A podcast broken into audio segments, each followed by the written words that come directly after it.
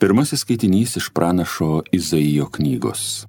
Jų giminė bus įžymė tarp tautų ir jų palikonys tarp žmonių. Kas tik juos regės, suvoks, jog tai giminė, kurią viešpats palaimino.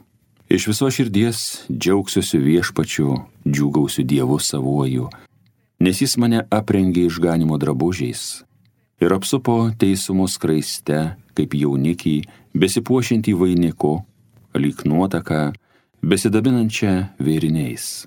Kaip žemė išaugina savasias ataugas, kaip sodas suželdina savasias sėklas, taip viešpats Dievas suželdins teisumą ir šlovę visų tautų akivaizdoje. Tai Dievo žodis.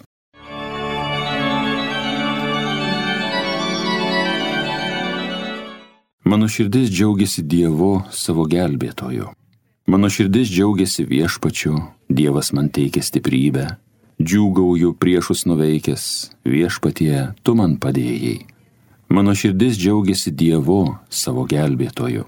Stipriųjų galybė sudūšta, silpnieji jėga apsijuose, sotieji darbuojas dėl duonos, jos alkia jau nebeskursta. Kur buvo bevaikė pagimdo septynis, vaikingo iš tai nužydėjo mano širdis džiaugiasi Dievu, savo gelbėtoju. Mirtis ir gyvybė iš viešpaties rankos. Nuvedęs mirties viešpatyjon iš jos ir gražina, tai viešpats padaro vargšu ir turtingu.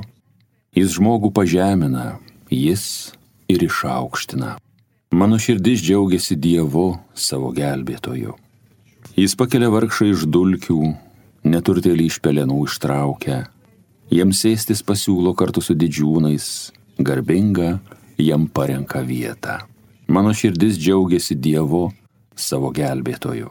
Alleluja, alleluja, alleluja. Laiminga mergelė Marija, kuri dėmėjosi Dievo žodžius ir svarstė juos savo širdyje.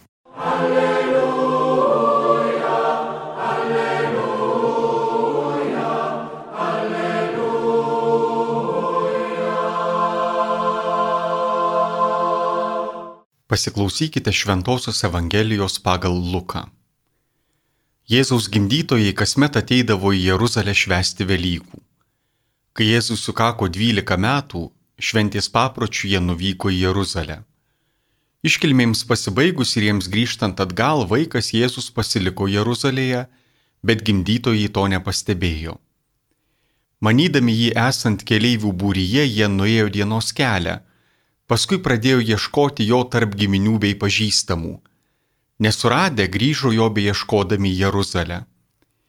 Pagaliau po trijų dienų rado jį šventykloje, sėdintį tarp mokytojų, besiklausantį jų ir juos beklausinėjantį. Visi, kurie girdėjo, stebėjosi jo išmanimu ir atsakymais. Pamatę jį gimdytojai labai nustebo. Jo motina jam tarė, vaikeli, ką mums tai padarėjai? Štai tavo tėvas ir aš susielvartu ieškome tavęs. O jis atsakė, kamgi manęs ieškojote? Argi nežinojote, kad man reikia būti savo tėvo reikaluose? Bet jie nesuprato jo žodžių. Jėzus iškeliavo su jais ir grįžo į Nazaretą. Jis buvo jiems klusnus. Jo motina laikė visus įvykius savo širdyje o Jėzus augo išmintimi, metais ir malonė Dievo ir žmonių akise. Girdėjote viešpatie žodį.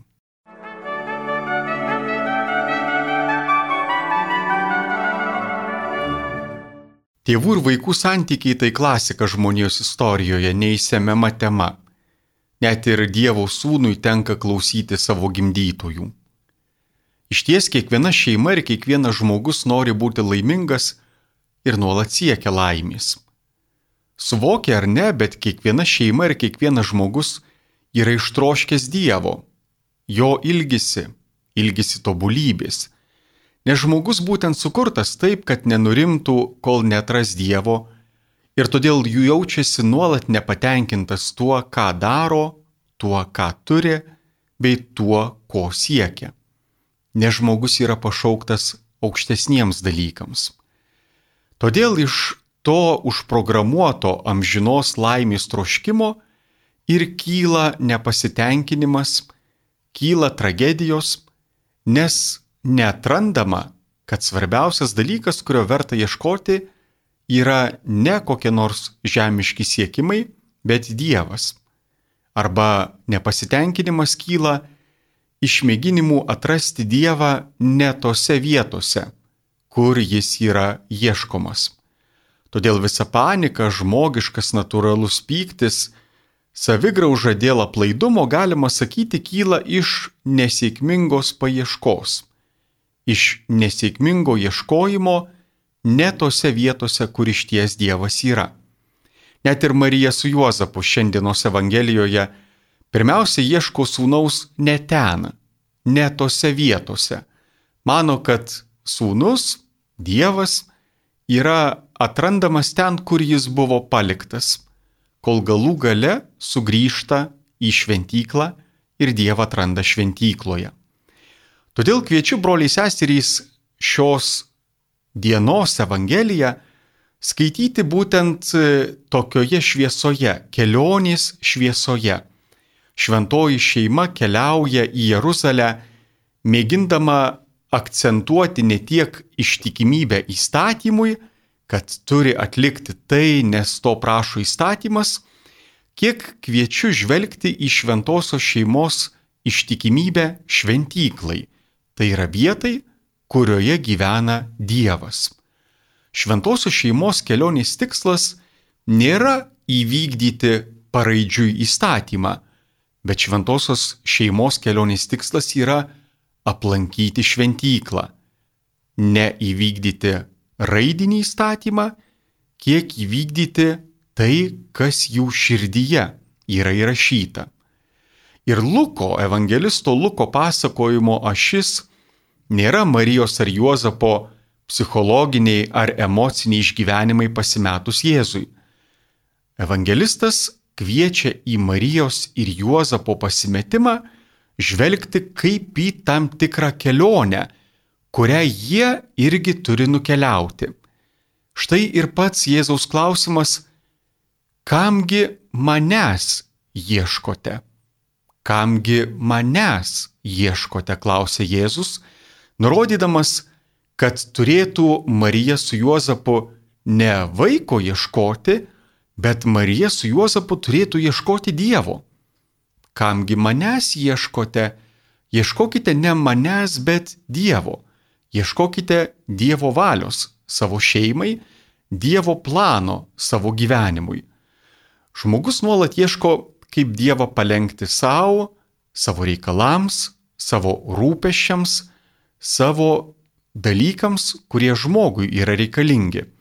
Tačiau šiandien Jėzus sako, ieškokite ne kaip Dievą savo palengti, nes labai dažnai, kai manome, kad Dievą jau palenkime savo pusėje, kai Dievą jau turime, jis apleidžia ir pasitraukia.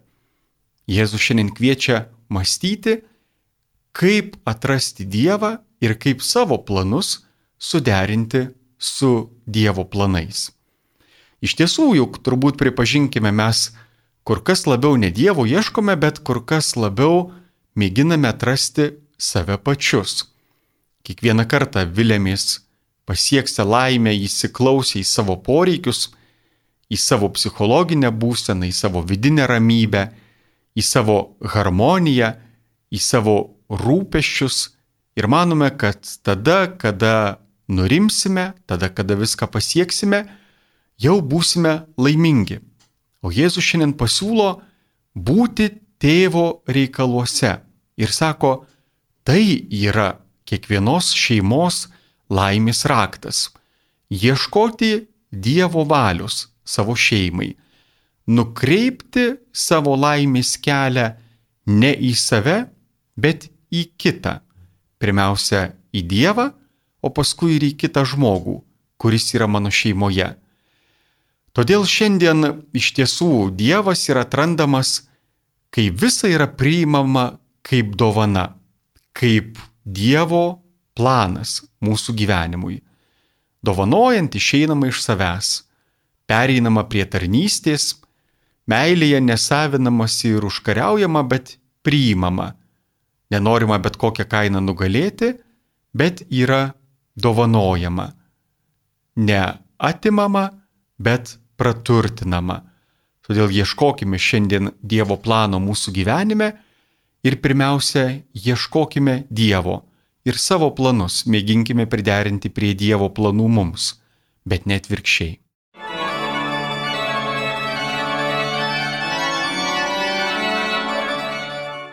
Homilija sakė kunigas Mykolas Atnečenka.